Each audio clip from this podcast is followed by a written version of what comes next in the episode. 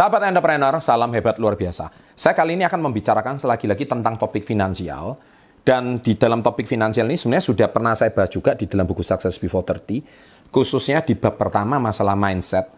Di situ sebelum Anda hari ini memiliki, diberikan kemampuan kekayaan yang baik, Anda juga harus membangun mindsetnya dulu. Jadi mindset itu ibaratkan sebelum Anda membangun rumah yang besar, bangunlah dulu kerangkanya. Nah, di sini ada empat fase dalam kehidupan yang sangat penting.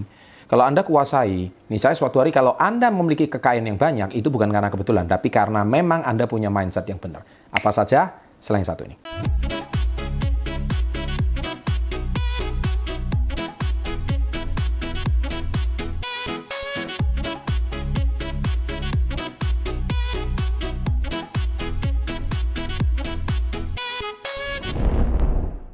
Nah, di dalam bab satu masalah mindset ini, di buku Success Before 30, halaman pertama dan halaman 17, saya cerita di situ mengapa banyak orang itu belum kaya. Karena mereka salah satunya nggak paham empat fase ini. Karena setiap orang itu pasti mengalami empat fase ini dalam kehidupannya. Nah, fase yang pertama adalah saat Anda itu baru lulus sekolah. Biasanya kan Anda itu dapat uang dari mana sih? Kalau sekolah, kebanyakan kan dapat uang dari orang tua dapat uang saku dari orang tua. Jadi orang tua mencari nafkah setiap hari, tujuannya itu satu, yaitu bisa menafkahi Anda untuk sekolah. Nah, cuman problemnya adalah ketika Anda baru lulus sekolah, di sinilah letak kemandirian finansial Anda harus terjadi. Kita tahu kalau di negara barat, ya negara barat loh ya, usia 17 itu batas maksimal tanggungan orang tua. Setelah di atas 17 mau ngapain kayak itu sudah bukan tanggung jawab orang tua. Nah, di Indonesia ini, orang timur, orang Asia, kita ini masih punya budaya, apalagi kalau orang Jawa, pokoknya makan nggak makan yang penting kumpul. Itu budayanya orang Jawa. Jadi kalau sampai gede itu maunya kumpul sama anak terus. Nah akhirnya kapan anaknya gede? Gitu. Nah secara nggak langsung memang betul sih budayanya orang Jawa itu bagus. Tapi secara nggak langsung membuat anaknya ini tidak tumbuh dewasa dan tidak mandiri. Padahal dia tidak diberi sebuah pengertian bahwa usia 17 kamu sudah harus mempunyai kemandirian. Mandiri itu dalam segala hal, terutama mandiri finansial. Jadi kalau bisa harus cari nafkah sendiri. Gitu. Mungkin tinggal masih di rumah orang tua, tapi Anda harus cari nafkah sendiri. Anda harus mencari kehidupan Anda sendiri. Gitu. Nah ini satu problem yang kita harus kuasai ya. So itu baru saat lulus sekolah. Itu fase keuangan yang cukup penting. Jadi ketika Anda lulus sekolah, Anda harus punya satu kemantapan dalam soal kemandirian finansial. Jadi nggak bisa kita masih mengandalkan orang tua itu nggak bisa. Kita harus cari nafkah sendiri, kita kalau mau cari jajan sendiri, mau pacaran sama anaknya orang juga harus cari duit sendiri. Kita nggak bisa lah masih ngandelin orang tua terus. Nah itu fase pertama yang harus Anda ketahui. Yang kedua, yaitu fase berkeluarga.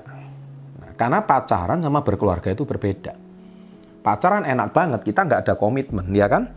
Yang cowok tinggal di rumah cowok, yang cewek tinggal di rumah orang tuanya. Nggak ada komitmen untuk tinggal bersama. Nah, jadi ketika kalian masih pacaran happy banget. Nggak ada sebuah komitmen. Paling cuma makan, nongkrong, jalan-jalan, nonton bioskop. That's it. Ya kan? Tapi kita nggak bisa memutuskan untuk kita harus berkomitmen bangun keluarga. Nah, fase ini harus dimiliki oleh anak muda mana pun di seluruh dunia. Nggak terkecuali di Indonesia. Oleh sebab itu banyak anak-anak muda yang tidak matang secara financial, akhirnya mereka masih mengandalkan dalam tanda kutip orang tuanya. Sehingga orang tuanya yang masih menafkahi. Nah itu kan menurut saya nggak cocok banget. Nah kalau Anda tanya sama saya, saya menikah aja, saya nggak pakai biaya orang tua. Menikah pakai biaya sendiri. Nah itu artinya ada, kita sudah paham fase keuangan yang mana Anda harus jalani sendiri. Ya, banyak sekali orang orang sekarang itu aneh ya menurut saya ya. Mereka masih mengandalkan orang tuanya. Apalagi pesta pernikahan itu dibuat mewah. Oke lah, itu memang hak orang tua Anda.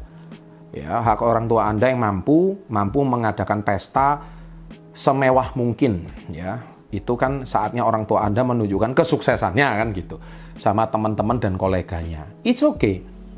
Tapi sekali lagi pernikahan itu bukan masalah pesta satu malam saat berkeluarga itu tantangan paling utama adalah hari plus satu setelah Anda menjalani pernikahan itu yang tantangan paling utama.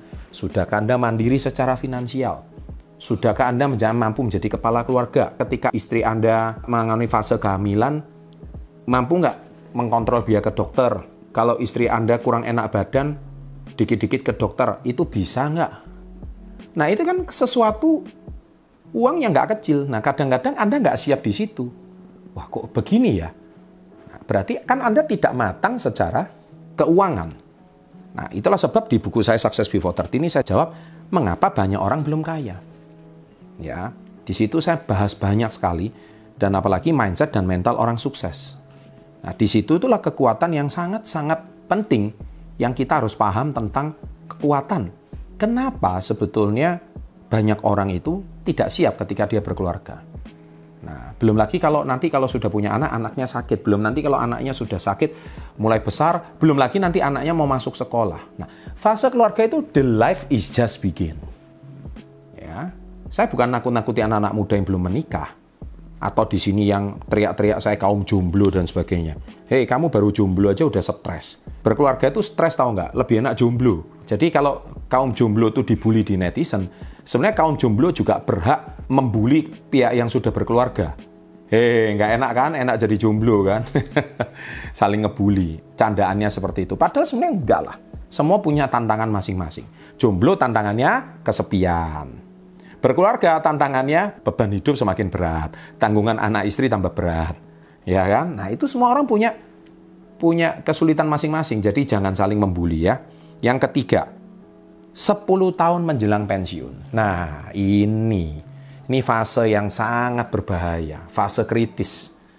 Jadi ketika Anda sekarang sudah mencapai puncak-puncak karirnya, usia 40, usia 45, Tahu nggak kalian? Channel ini memang betul channel Success Before 30. Tapi yang saya bahas itu nggak cuma semata-mata Before 30. Yang saya juga bahas itu bagaimana tips ini sometimes kita harus mempersiapkan usia pensiun juga.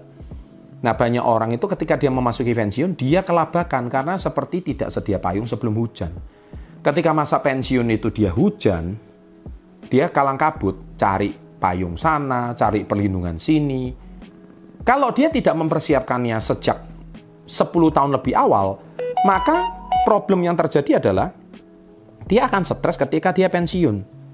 Bahkan nggak sedikit loh yang pensiun itu, mohon maaf, rumah aja nggak punya, dana pensiun juga tidak ada, hidup sudah tua, kemudian anak juga tidak mandiri, akhirnya cuman jadi pengasuh anak cucu, tapi ketika sakit juga bingung harus berobat ke mana, harus merepotkan anak cucu juga. Nah ini loh, banyak orang itu, mereka itu menjelang pensiun, mereka belum siap.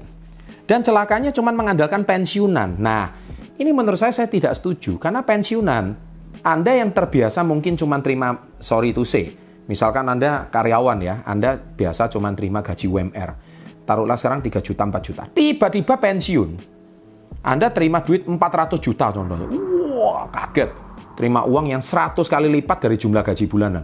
Ketika Anda terima uang yang dalam jumlah besar, Anda kaget, shock, dan tidak punya pengetahuan finansial. Uang pensiun itu, yang Anda biasanya bisa kerja 100 kali lipat gaji, Anda bisa dapatkan 100 bulan.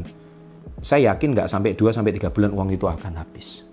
Bukannya Anda mempersiapkan bisnis atau pekerjaan baru di saat pensiun, tapi justru Anda malah memfoya-foyakan uang tersebut. Nah, itu yang sering kali terjadi. Dan yang terakhir, yaitu saat masuk usia pensiun. Nah, inilah hari yang nightmare-nya benar-benar terjadi.